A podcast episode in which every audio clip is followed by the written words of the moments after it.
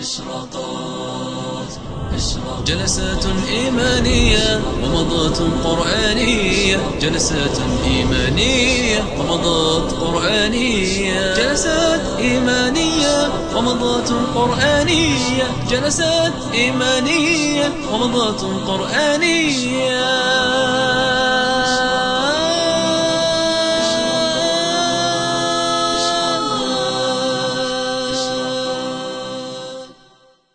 بسم الله الرحمن الرحيم. إن الحمد لله نحمده ونستعينه ونستغفره ونتوب إليه ونعوذ بالله من شرور أنفسنا وسيئات أعمالنا. من يهدي الله فلا مضل له ومن يضلل فلا هادي له وأشهد أن لا إله إلا الله وحده لا شريك له وأشهد أن محمدا عبده ورسوله.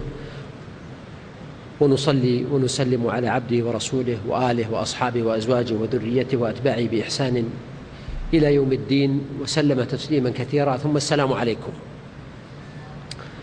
بالأمس وقفنا وقفات متعددة حول القسم الأول من سورة عبس وتولى وما يتعلق بسبب النزول والإيحاءات والأسرار والمعاني البلاغية في هذه السورة.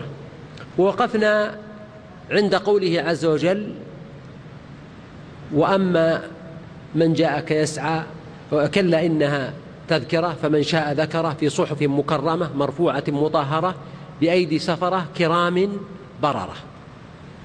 بعد ذلك يأتي مقطع جديد في مفاجأة أيضا على حسب السياق. لو أن الإنسان لم يسبق له أن قرأ السورة لأول مرة يقرأها سوف يتفاجأ بنقلة وهي قتل الإنسان ما أكفره.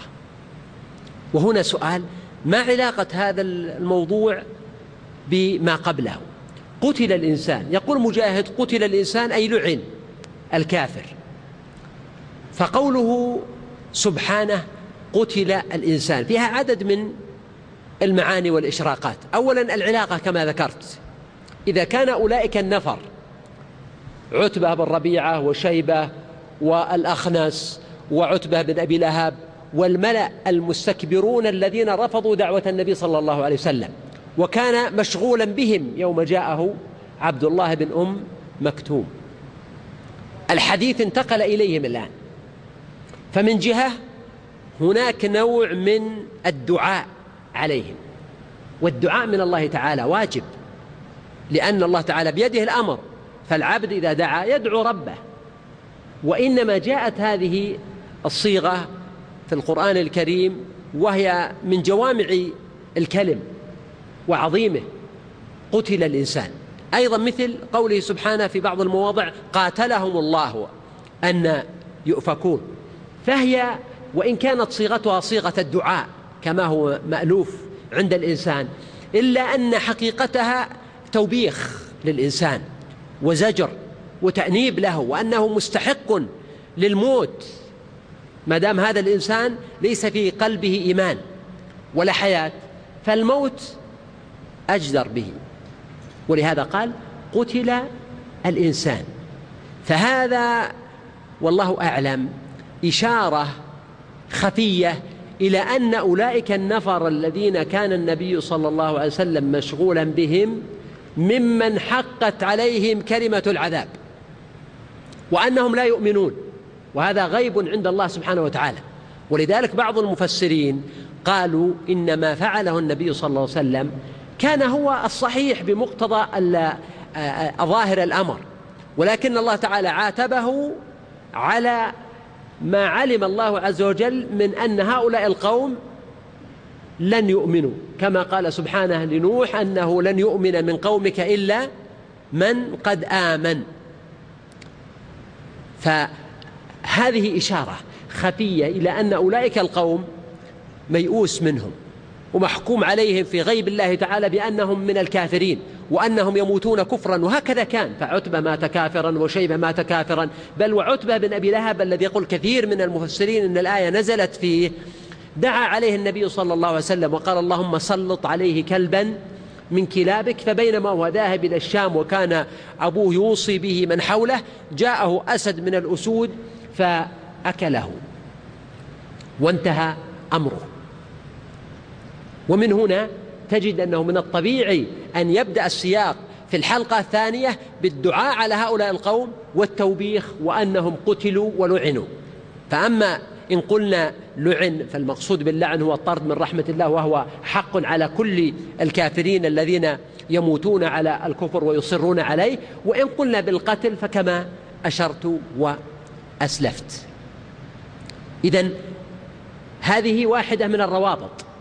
فيه رابط ثاني وهو وقع في بالي وأنا أصلي العشاء الآن أنه إذا كان الله سبحانه وتعالى عاتب نبيه صلى الله عليه وسلم في حق هؤلاء القوم وأنه ما عليك منهم إذ زكوا أو لم يتزكوا وما عليك ألا يزكى فكأن السياق رجع مرة أخرى ليقول ومع ذلك فإن مهمة الرسل والأنبياء والدعاة والمصلحين أن يقيموا الحجة وأن يبينوا وأن يدعوا وأن يزيلوا الشبهات. ومن هنا دخل القرآن من جديد في جدل مع أولئك القوم ومن كان على شاكلتهم.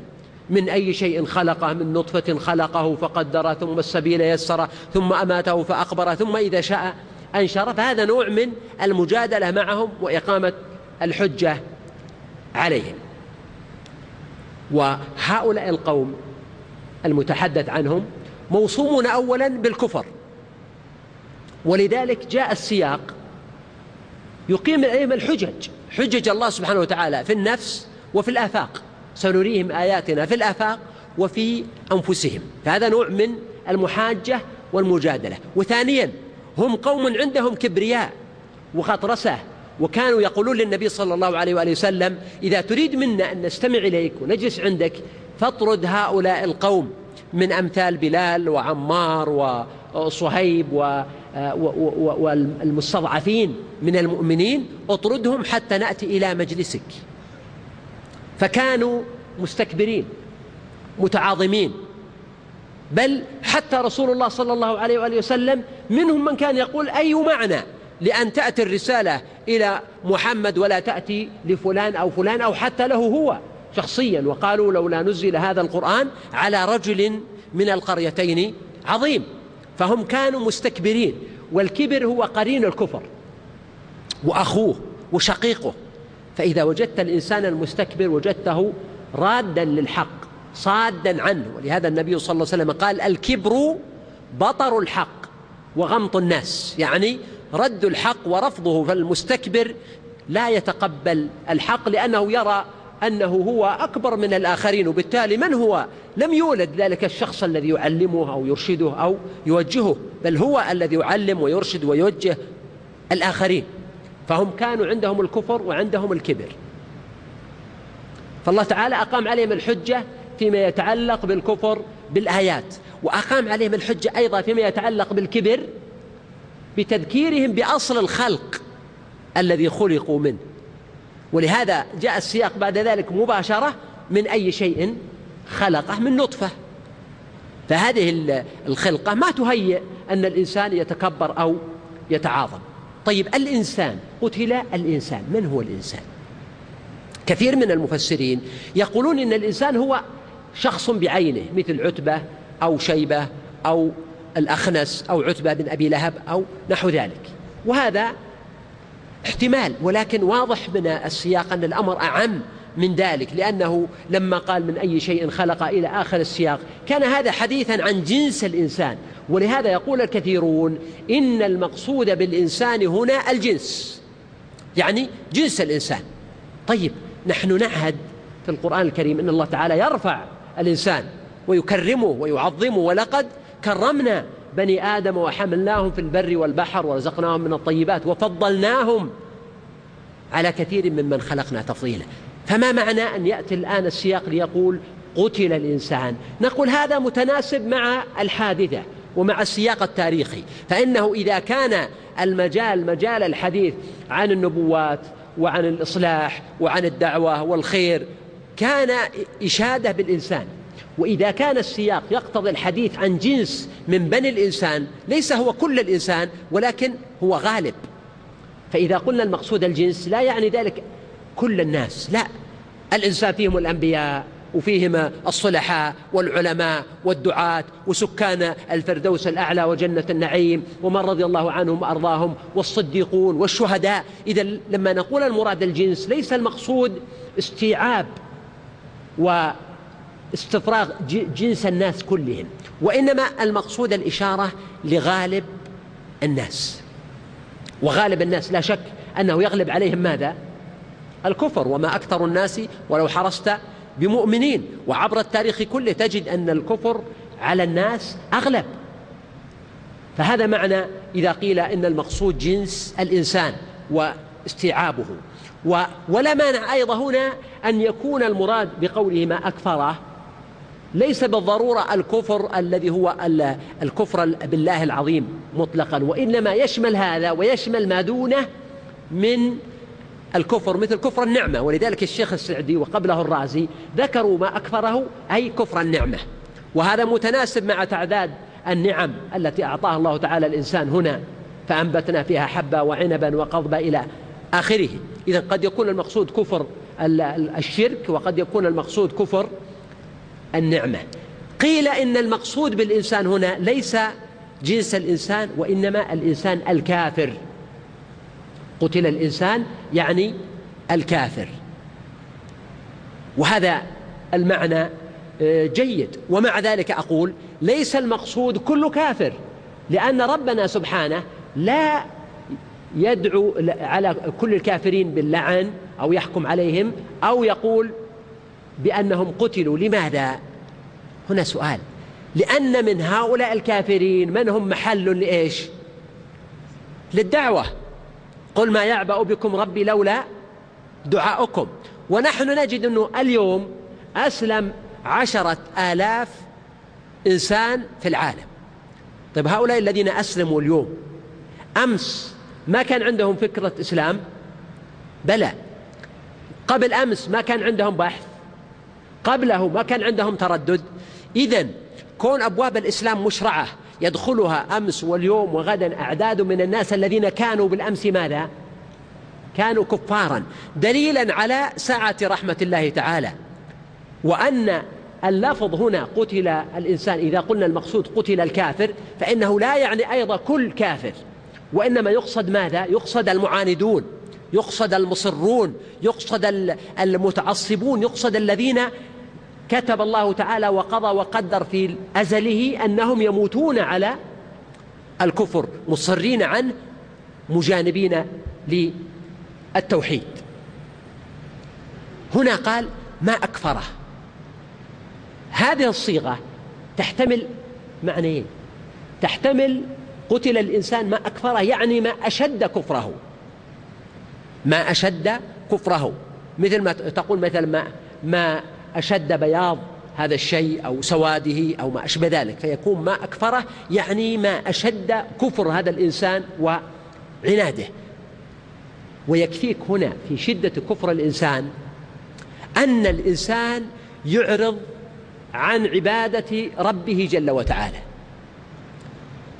الذي له الأسماء الحسنى والصفات العلى والجلال والجمال والكمال والكبرياء والعظمة والمجد ودلت عليه الرسل ونزلت منه الكتب وهو يتح يتكلم سبحانه بذاته ويسمعه عباده يقول أنا صببنا الماء صبا ثم شققنا الأرض شقا فأنبتنا فيها حبا. يعني يتكلم بضمير المتحدث إلى عباده ويخاطبهم ويقيم عليهم الحجج ومع ذلك هم يكفرون بالله.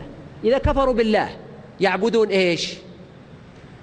يعبد الواحد منهم حجر. حجر. أي أفضل الإنسان ولا الحجر؟ يعني الحجر هو أقل المخلوقات أو يعبد شجر.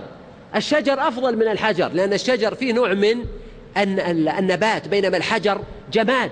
الإنسان أفضل وأعلى مقاما من الحجر وأعلى مقاما من الشجر والنبات ومع ذلك تجد هذا الإنسان قد يعبد حجرا أو يعبد شجرا أو إذا ارتقى إذا ارتقى يعبد إيش؟ حيوان. من الناس من يعبد البقر.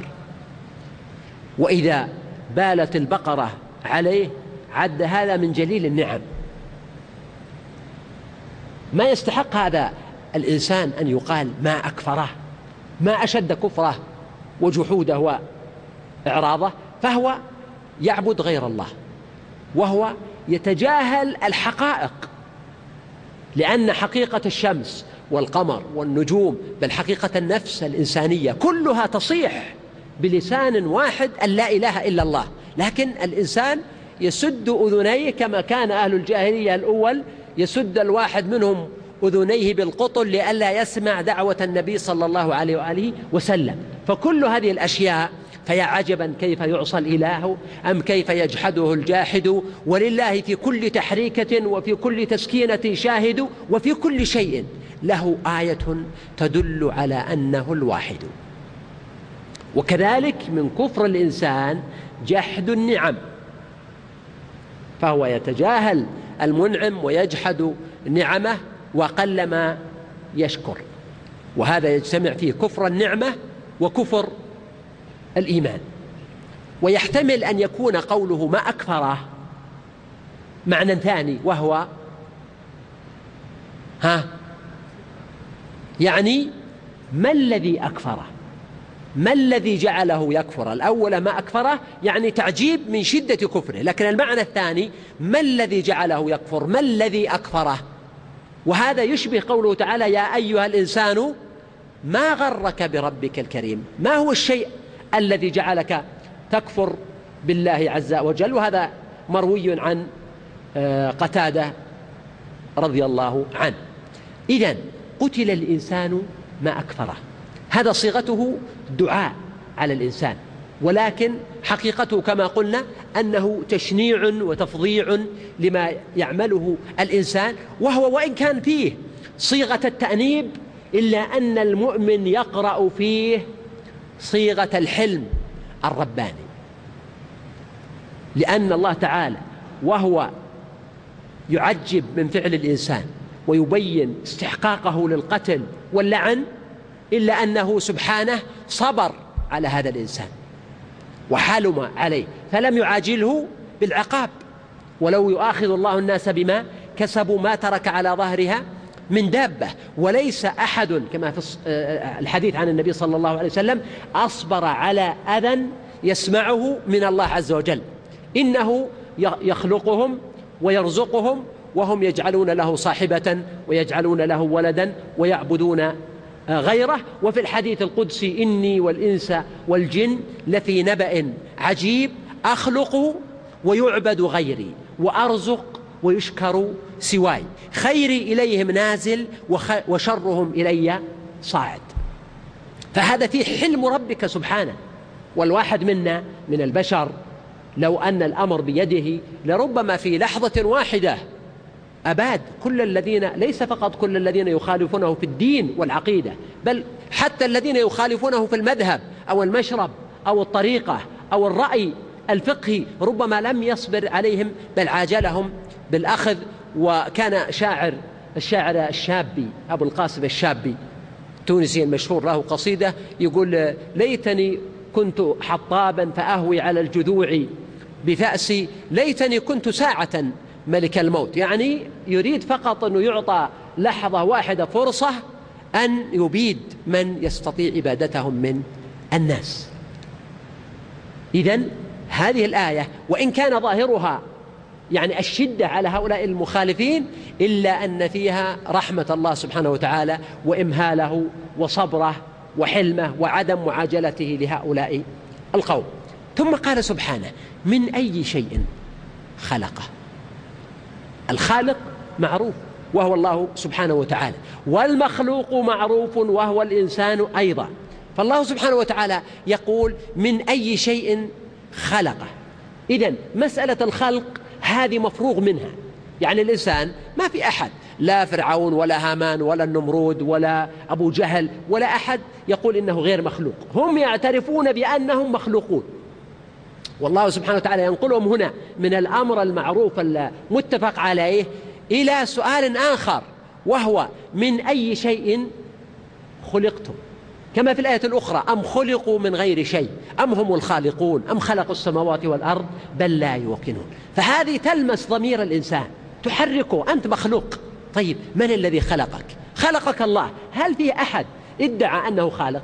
غير الله سبحانه وتعالى الذي هو الخالق الحق سبحانه؟ في أحد قال أنا الخالق؟ أبدا. يعني آه، النمرود الذي حاج إبراهيم في ربه أن آتاه الله الملك. إذ قال إبراهيم ربي الذي يحيي ويميت. قال أنا أحيي وأميت. هل كان النمرود يقصد أنه هو الذي يحيي الموتى؟ لا. وإنما يقصد أنه يأتي باثنين واحد مستحق للقتل فيعفو عنه. يقول هذا أحييت أنا. هذا نوع من التلاعب بالألفاظ والعبارات. أما الخالق الذي يوجد من عدم ويحول الجماد الهامد الرميم إلى حي متحرك عاقل متكلم واعي فاهم فهو واحد. وهو الله عز وجل. فهو يخاطب الإنسان ويقول من أي شيء خلقه. من نطفة. والنطفة يعني الشيء اليسير في الأصل. مثل قوله تعالى إلا من اغترف غرفة بيده ففعل هذه تدل على الشيء القليل. يعني يملأ يده هذه الغرفة مثلا. النطفة أيضا هي شيء قليل من الماء. ماء. الرجل الذي خلق منه الإنسان. فهو خلق من نطفة من أي شيء خلقه من نطفة خلقه. فهل يتكبر؟ وهو قد خلق من نطفة ضعيفة ليس لها قوام ولا وجود. بل إذا كانت النطفة كما يقال الدفقة من المني فيها مئات الملايين من الحيوانات المنوية الإنسان مخلوق من حيوان واحد. يعني هذه الدفقة مؤهلة أن يخلق منها مئات الملايين. الله تعالى بحكمته يختار حيوانا واحدا منها يخترق يسبق ويخترق البويض ويتكون منه الإنسان. هل هذا موجب للكبر؟ هل هذا موجب للكفر؟ كلا. طيب إذا لماذا يتكبر هذا الإنسان؟ أيضا لماذا ينسى ربه الذي رعاه من يوم أن كان في رحم الأم كما هو واضح في السياق. وأيضا لماذا يجحد النعمة والذي تعاهده بالنعمة حتى في رحم الأم تعاهده بالطعام والشراب من خلال الحبل السري ومن خلال تنفس الأم. ثم بعدما يخرج إلى هذه الدنيا الله تعالى يجري له ثدي الأم باللبن. ثم يتعاهد الله تعالى بألوان الطعام والشراب. فهو محفوف بعطاء الله تعالى ونعمه من كل وجه. هنا تلاحظ طريقة السؤال لما يقول الله تعالى من أي شيء خلقه. السؤال أحيانا أشبه بالقذيفة بل نقذف بالحق على الباطل فيدمغه فإذا هو زاهق. فالسؤال هذا فيه استفزاز استفزاز للعقل للتفكير لأنه يوجد كثير من الكافرين ليس كفرهم كفر عناد كما كمن ذكرنا ممن قتلوا ولعنوا وإنما كفرهم كفر جهالة وعدم معرفة. وإعراض. فمثل هؤلاء قد يفيد فيهم الوعظ والتذكير. هنا قال من نطفة. طيب هذا ليس في حقيقته تحقير للجنس. نعم النطفة شيء مهين من ماء مهين ضعيف ماء دافق لكن ليس فيه تحقير. ولهذا في الإسلام القول الراجح عند العلماء والفقهاء أن المني طاهر أو نجس أنه طاهر. والأنبياء خلقوا من هذا الماء. والصديقون والشهداء والصالحون وأفاضل الناس كل البشر خلقوا منه إلا من استثنى الله عز وجل. كما ذكر آدم مثلا خلقه من تراب وهكذا عيسى. إن مثل عيسى عند الله كمثل آدم خلقه من تراب ثم قال له كن فيكون. إذا ليس في الأمر استقذار. وحتى عملية الاغتسال التي يؤمر بها المسلم بعد الجماع. ليس بالضرورة أنها دليل على قبح هذا الفعل أو هذا الحالة وإنما هذا من يعني مما شرعه الله تعالى لعباده وهو جزء من التنظيف وجزء من إعادة الحيوية إلى الجسد وجزء من التعبد بل جزء من أن تحف هذه العملية بألوان من العبوديات التي ترتقي بها من مستوى الحيوانية إلى مستوى الإنسانية ولهذا يذكر الإنسان اسم ربه جل وعز وهو أعظم وأشرف الأسماء يذكرها عند آه، الوصال مع الزوجة كما قال النبي صلى الله عليه وسلم آه، أنه إذا أتى أهله قال بسم الله فإنه إن يكتب بينهما ولد لم يضره الشيطان بإذن الله تعالى. ويختم بعد ذلك بالغسل كما ذكرنا. إذا ليس في الأمر استقدار ولكن في إشارة إلى ضعف وهوان ومهانة هذا الأصل الذي خلق منه الإنسان بمعنى أن الأصل ما يرشحك للتعاظم ولا يرشحك للتكبر ولا يرشحك للكفر بل يرشحك لضد ذلك من التواضع والانكسار والاعتراف لله تعالى بالجميل وعبادته وشكره. وأيضا قوله من نطفة في إشارة إلى الفرق بين الأمرين لأنه لما يقول فلينظر الإنسان. نحن الآن أمام إنسان عاقل رشيد كبير طويل عريض جسيم وربما هذا الإنسان له مال وولد. يعني وهذا سر اغتراره أنه أكثر مالا وولد ذرني ومن خلقت وحيدا وجعلت له مالا ممدودا وبنين شهودا ومهدت له تمهيدا ونطفة. فلينظر الإنسان مما خلق خلق من ماء دافق وهكذا أيضا هنا من أي شيء خلقه من نطفة. فالقرب هنا يساعد الإنسان على سرعة المقارنة بين الأمرين البداية التي يعود إليها الإنسان التي خلق منها الإنسان والحال التي هو عليها الآن. فهذا يوجب للمرء الاعتبار والاتعاظ. خلقه. يعني الله تعالى هنا الإنسان لا يعرف الله أعلمه وأخبره بأنه هو الذي خلقه. من نطفة خلقه. فسجل ربنا سبحانه أنه هو الخالق. وقال في الآية الأخرى هل من خالق غير الله؟ وهنا نعيد السؤال. أصلا هل في أحد ادعى أنه خالق؟ ما في. لأن هذه أمور مادية معلومة يعرفها الخاص والعام. ولو ادعى أحد لنسب إلى الجنون. لأنه لا دليل عنده. قال خلقه فقدره. ولاحظ قوله فقدره الفاء هنا تدل على التعقيب يعني بعد خلقه مباشرة ومع الخلق التقدير. ومعنى قوله فقدره ثلاثة أشياء وكلها صحيحة. أولا قدر أعضاءه فجعل له عينين ولسانا وشفتين وأعضاء في غاية الجمال. ولو أن الإنسان اختل فيه شيء من أعضائه كالعين مثلا أو الأذن أو الأنف أو الفم أو الشفتين أو الأطراف أو الأصابع. لوجد في ذلك نقصا بينما الله تعالى يمتن على الإنسان بذلك. تخيل لو أن العين اهتدت إلى غير موضعها الذي قدره ربنا سبحانه. لكان ذلك شيئا مزعجا للإنسان يصعب على المرء أن يتصوره. لكن الله تعالى خلقك في أحسن تقدير وتقويم ولذلك لا يفكر الإنسان لو خلق بغير هذه الصفة وغير هذه الصورة. المعنى الثاني أيضا فقدره يعني في الأطوار التي يمر بها من نطفة ثم علقة ثم مضغة مخلقة وغير مخلقة ثم آه، يكون إنسانا سويا خلقا آخر ثم طفلا ثم آه، فتى ثم شابا ثم كهلا ثم شيخا ثم هرما هذه مراحل يمر بها الإنسان. وهي في غاية الانسجام والانضباط والحكمة والإبداع فتبارك الله أحسن الخالقين.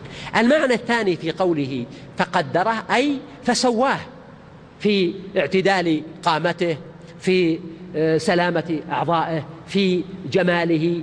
فالله تعالى جعل الإنسان في أحسن تقويم وميزه عن الحيوانات والوحوش وغيرها. ثم لاحظ ثم يعني هذه تدل على التراخي إن في فاصل ولذلك قال ثم السبيل يسره. وهنا معنى يجب أن تتفطنوا له لأنه آه، أنا وهو أنا على ما قال آه، اللي يقول أنا وهو أنا ما أدري أدخل الجنة ولا لا. أنا لم أفطن لهذا المعنى إلا اليوم. على كثرة ما قرأت في تفسير هذه السورة. قوله ثم السبيل يسره. الضمير الآن يسره. يعود إلى من؟ ها؟ يعني ثم السبيل يسر الإنسان ما تركب كذا. الله لا. أيوة. يسر السبيل. إذا معنى الآية ثم يسر السبيل. وهذا الذي يسميه النحويون الاشتغال. يعني ثم يسر السبيل يسره. فلو أردنا أن نفسر الفعل قلنا ثم الله تعالى يسر السبيل. جعل السبيل ميسرا. إذا التيسير هنا واقع على إيش؟ على السبيل. الناس اللي انتبهوا لهذا المعنى الآن وهو معنى جديد بالنسبة لهم ممكن يرفعون أصابعهم نشوف اللي اللي يعتبر هذا معنى جديد لهم لم يفطنوا له من قبل. لاحظ نعم فيه كثرة. معنى أن الأغلبية وقعوا في الشيء الذي وقعت فيه.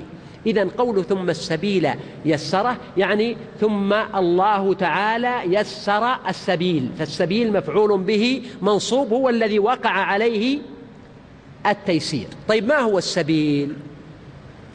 قال ابن عباس وعكرمة وقتادة والطبري أيضا رجح هذا المعنى. قالوا إن المقصود أن الله تعالى يسر السبيل الذي هو مخرج الجنين من رحم الأم.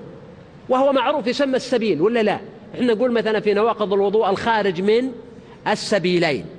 إذا هو يسمى السبيل.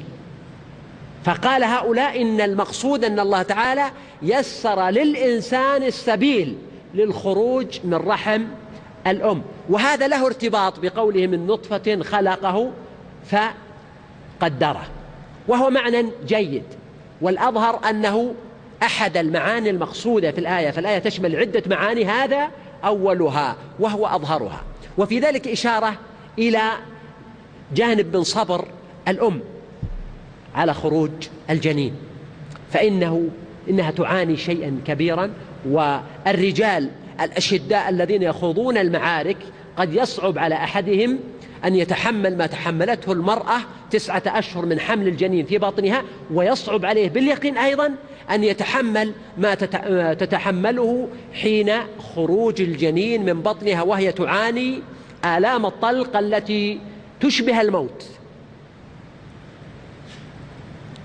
فانظر لطف الله تعالى وحكمته العظيمة في خروج الإنسان بهذه الطريقة إلى الحياة. ولذلك ابن الرومي يقول لما تؤذن الدنيا به من صروفها يكون بكاء الطفل ساعة يولد وإلا فما يبكيه منها وإنها لأوسع مما كان فيه وأرغد فنقول هذه حكم الله سبحانه وتعالى فإن خروج الإنسان آه، من هذا المضيق وبهذه الطريقة فيه آية وعبرة يجب أن الإنسان ما ينساها كما أنه لا ينسى فضل الأم التي حملت وعانت كذلك لا ينسى فضل من؟ فضل من؟ فضل ربه الذي يسره يسر له السبيل ثم السبيل يسره. وكذلك فيه جانب المخاطرة لأن الإنسان قد آه، آه، يموت في الولادة خصوصا في الماضي لما كانت عملية الولادة عملية بدائية والقابلة تأتي عند المرأة وقد آه، يضيق الرحم على الجنين بعدما يخرج رأسه والغالب أن الرأس يخرج أولا تمهيدا للنزول للحياة فيموت وتغتاله آه، الطلقات ويخرج ميتا. وهذا كثير في الماضي وإن كانت تطورت الوسائل في الوقت الحاضر. ولهذا الحسن البصري رضي الله عنه لمح من ها هنا معنى يتعلق بما قلنا وقال كيف يتكبر؟ ولا بأس أن أسوق هذه الكلمة ربما بعض الناس يأنف منها. ليش نأنف؟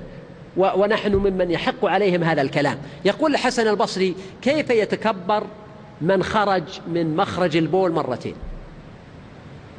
كلام الحسن البصري صحيح ولا ما بصحيح؟ يصدق علي وعليك وعلى كل أحد من الناس وعلى الأكابر والأشراف وحتى والأنبياء والملوك والتجار والعظماء. كل الناس خرج من فرج الأب أولا من خلال الاتصال الجنسي. ثم خرج من فرج الأم ثانيا بعدما تخلق واكتمل من أجل أن يعيش الحياة. فجدير بهذا المعنى أن يكون مرسوما في ذاكرة الإنسان وألا آه، ينساه. إذا هذا هو المعنى الأول السبيل الذي هو مخرجه من رحم الأم. المعنى الثاني وهو مقصود أيضا أن يكون المقصود بالسبيل طريق الخير والشر وهذا له ما يشهد في القرآن الكريم إنا هديناه السبيل إما شاكرا وإما كفورا فيكون المقصود بالسبيل إذن طريق الخير وطريق الشر طريق الهدى والضلال وهذا قول مجاهد واختاره الإمام ابن كثير. المعنى الثالث ثم السبيل يسره يعني يسر الله تعالى يسره الله يسر الله له سبيل معرفة المنافع والمضار. يعني غير الإسلام والكفر والهدى والضلال فإن الإنسان بطبعه حتى يوم كان طفل صغير يعرف مصالحه يعرف مثلا كيف يرضع من لبن الأم ثم يكبر ويتعلم كيف يتجنب الأشياء الحارة وكيف يتجنب المخاطر وإذا عقل بدأ يفكر في مصالحه التجارية والاقتصادية والسياسية والاجتماعية وغيرها فهذا من تيسير الله تعالى. وأنت تجد أن هذه المعاني الثلاثة كلها مقصودة وداخلة في قوله ثم السبيل يسره. ثم انتهينا الآن. المرحلة الأولى كلها انتهت وانتقلنا إلى مرحلة ثانية ثم أماته فأقبره. سقط الآن مرة أخرى وعاد كما كان وكنتم أمواتا فأحياكم ثم يميتكم ثم يحييكم. أماته فأقبره. لم يقل فقبره لأن الذي يقبره هو أخوه الإنسان. وأما الله تعالى فهو يقبره يعني يسخر له ويهيئ له القبر. فالله تعالى خلق الأرض ألم نجعل الأرض كفاتا أحياء وأمواتا؟ هذا من من أقبار الإنسان. وعلم الإنسان كيف يحفر الأرض ويدفن فيها الموتى كما في قصة ابني آدم بالحق إذ قرب قربانا إلى قوله فبعث الله غرابا إيش؟ يبحث في الأرض ليريه كيف يواري سوءة أخيه. وهكذا جعل الله تعالى من السنن والنواميس في الأرض مثل آه، ذلك. طيب إذا هذا إقبار الله تعالى. أقبره. أما الإنسان فيقال قبره ومثل ذلك قول الشاعر لو أسندت ميتا إلى صدرها قام. ولم ينقل إلى قابر ولم يقل إلى مقبر إلى قابر. هذا الذي يتولى القبر. حتى يقول الناس مما رأوا يا عجبا للميت الناشري الذي مات ثم قام من قبره. طبعا هذا من شعر الغزل كما تعرف يعتمد على المبالغات والصيغ. آه، الأمم تختلف في القبر ثم أماته فأخبره. والآية دلت على أن الله تعالى شرع للمسلمين أن يدفنوا موتاهم وهذا واجب في القبور يحفر لهم القبور ويدفنوهم. والأمم الأخرى كان منهم مثل الفرس وبعض الهنود من كانوا يحرقون الأموات ومنهم من كانوا يرمون الموتى في ما يشبه الصوامع والبيوت والقصور الهائلة. ومنهم من كان يترك الموتى للسباع والهوام وهذا كان موجودا عند العرب خصوصا إذا كانوا ميتين في معارك لأنهم يفتخرون بذلك حتى يقول الشنفر يقول فلا تقبروني إن قبري محرم عليكم ولكن أبشري أم عامري. من هي أم عامر؟ الضبعة. يعني يقول أبشري أم عامر تأكلين لأن الضبعة تأكل أجساد الموتى. فهم يفتخرون أن الواحد منهم ونحن رأينا ونسمع ونقرأ عن قضية الفراعنة مثلا. وكيف وكذلك من قبلهم الرومان وهذا موجود في في مصر في الإسكندرية وفي الأقصر وفي القاهرة وفي غيرها. تجد مقابر الفراعنة في أهرامات الجيزة مثلا. يعني أبنية هائلة فخمة من آه، دفن الفراعنة وتجد معهم الذهب والأواني والأشياء هائلة جدا أمم بأكملها مسخرة من أجل مقبر للفرعون. وكذلك عملية التحنيط التي لا تزال يعني سرا من أسرار العلم إلى اليوم والمئات من من هذه الأسر أسر الفراعنة موجودة الآن بشعرها بظفرها ببدنها بل بملابسها وبأوراق الشجر وبأشياء كثيرة لا زالت موجودة إلى اليوم منذ آلاف السنين. طبعا هذا استهلكت فيه أمم وطاقات وحضارات بينما الإسلام شرع لنا يحفر للإنسان ويقبر حتى النبي صلى الله عليه وسلم تقول فاطمة رضي الله عنها يا أنس كيف طابت نفوسكم أن تحثوا على رسول الله صلى الله عليه وسلم؟ التراب. فهذه سنة الله تبارك وتعالى في آه، عباده. ثم إذا شاء أنشره. هذا أيضا عجب. وسر عجيب. إذا شاء أنشره يعني إذا شاء الله تعالى بعثه. هذا أيضا انتقال من المعلوم للمجهول لأن مسألة أنه من نطفة خلقه فقدر ثم السبيل يسره ثم أماته فأخبره هذا كله معروف عند الناس جميعا. وإن كان بصيغة الفعل الماضي إلا أنه يتكرر باستمرار. وكونه جاء في الماضي للتأكيد على أنه آت لا محالة. يعني يميت ويقبر اليوم وكذلك آه، غدا وبعد غد والإنسان الذي يسمع الكلام الآن سوف يجري عليه هذا كما جرى على غيره.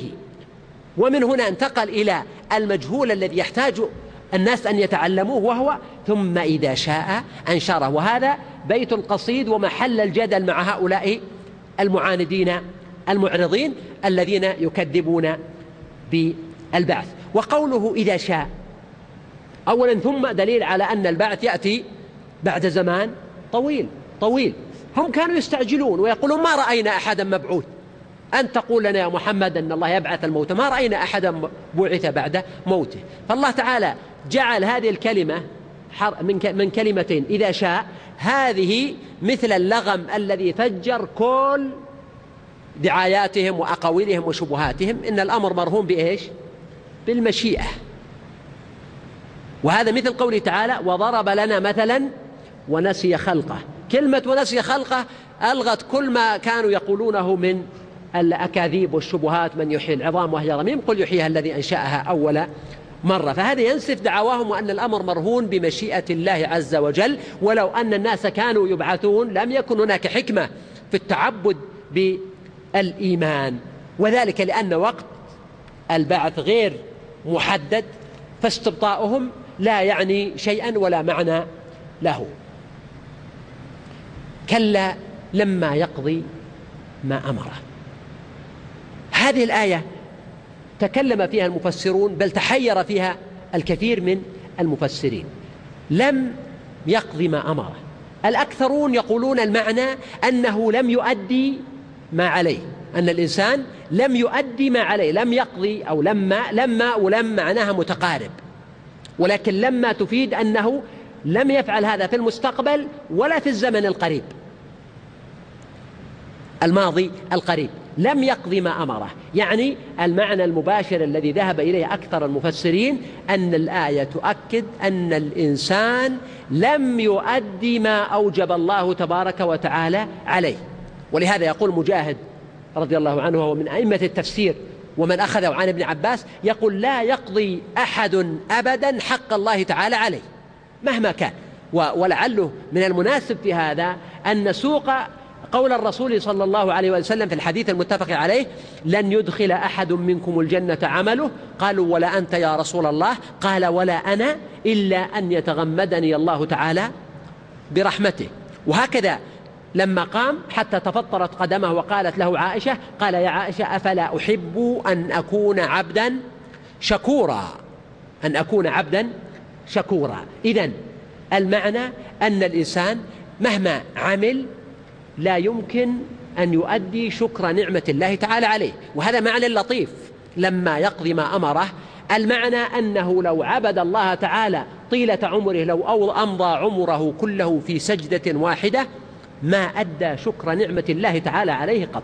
فضلا عن أن يكون مستحقا للأجر من الله على عبادة عبدها لولا فضل الله تعالى. ويدخل في هذا المعنى معنى آخر لطيف جدا وهو أن المقصود إن الإنسان لم يتدبر حق التدبر ولم يتأمل حق التأمل. فهذا الإنسان الذي عنده شبهة أو الإنسان الكافر أو المعرض أو أمثالهم هؤلاء لو تدبروا وتأملوا وأعملوا عقولهم ونظروا في ملكوت السماوات والأرض ونظروا في أنفسهم لأبصروا آيات الله عز وجل. كما يقول شاعر يقول إلهي محمود حسن إسماعيل يقول إلهي رأيتك إلهي سمعتك تعاليت رأيتك في كل شيء سمعتك في كل حي تعاليت لم يبدو شيء لعيني تباركت لم ينبو صوت بأذني ولكن طيفا بقلبي يطل ومن طيفه كل نور يهل. يعني ما رأيت بعيني. تعالى الله أن يراه الإنسان في الدنيا وإنما يراه المؤمنون في الآخرة.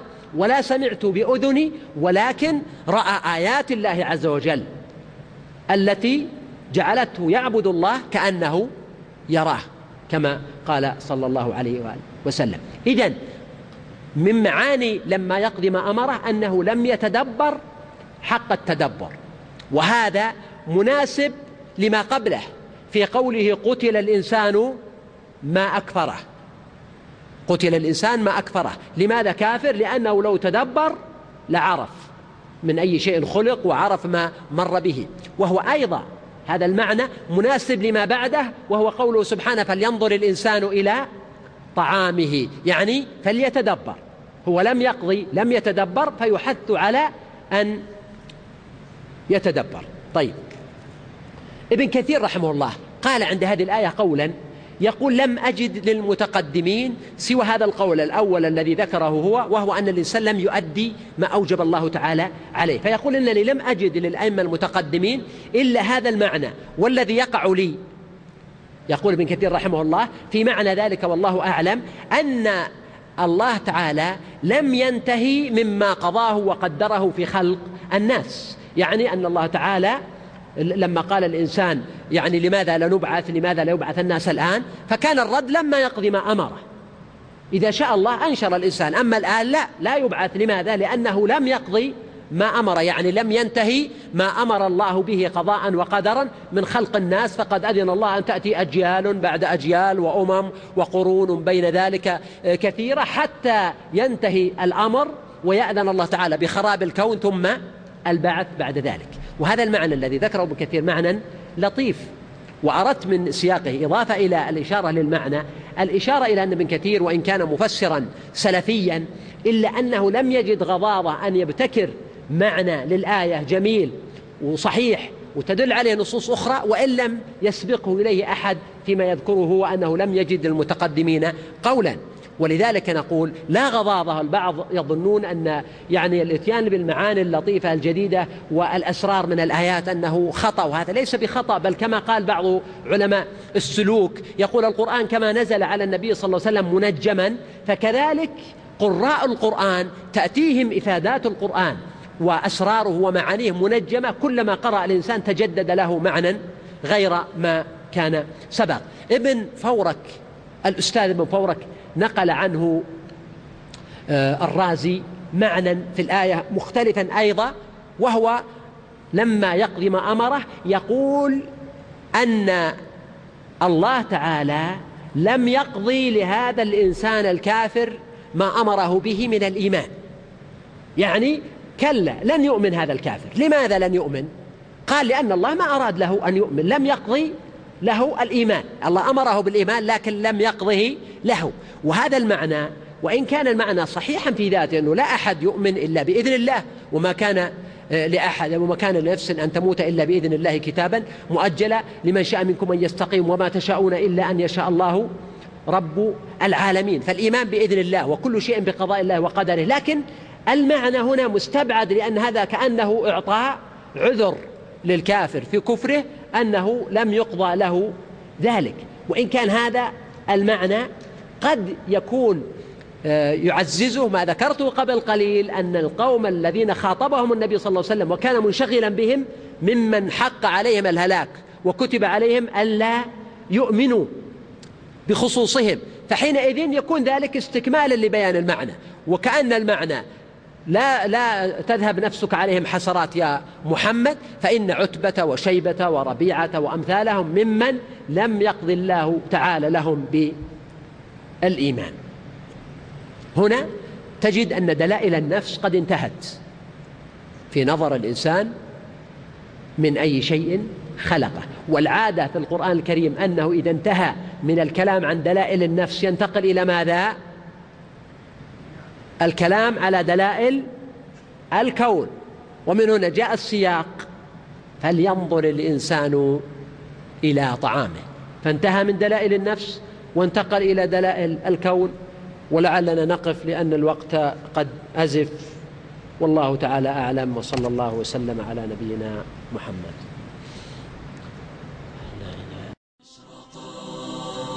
إشراقات جلسات إيمانية ومضات قرآنية. جلسات إيمانية ومضات قرآنية. جلسات إيمانية ومضات قرآنية. جلسات إيمانية ومضات قرآنية.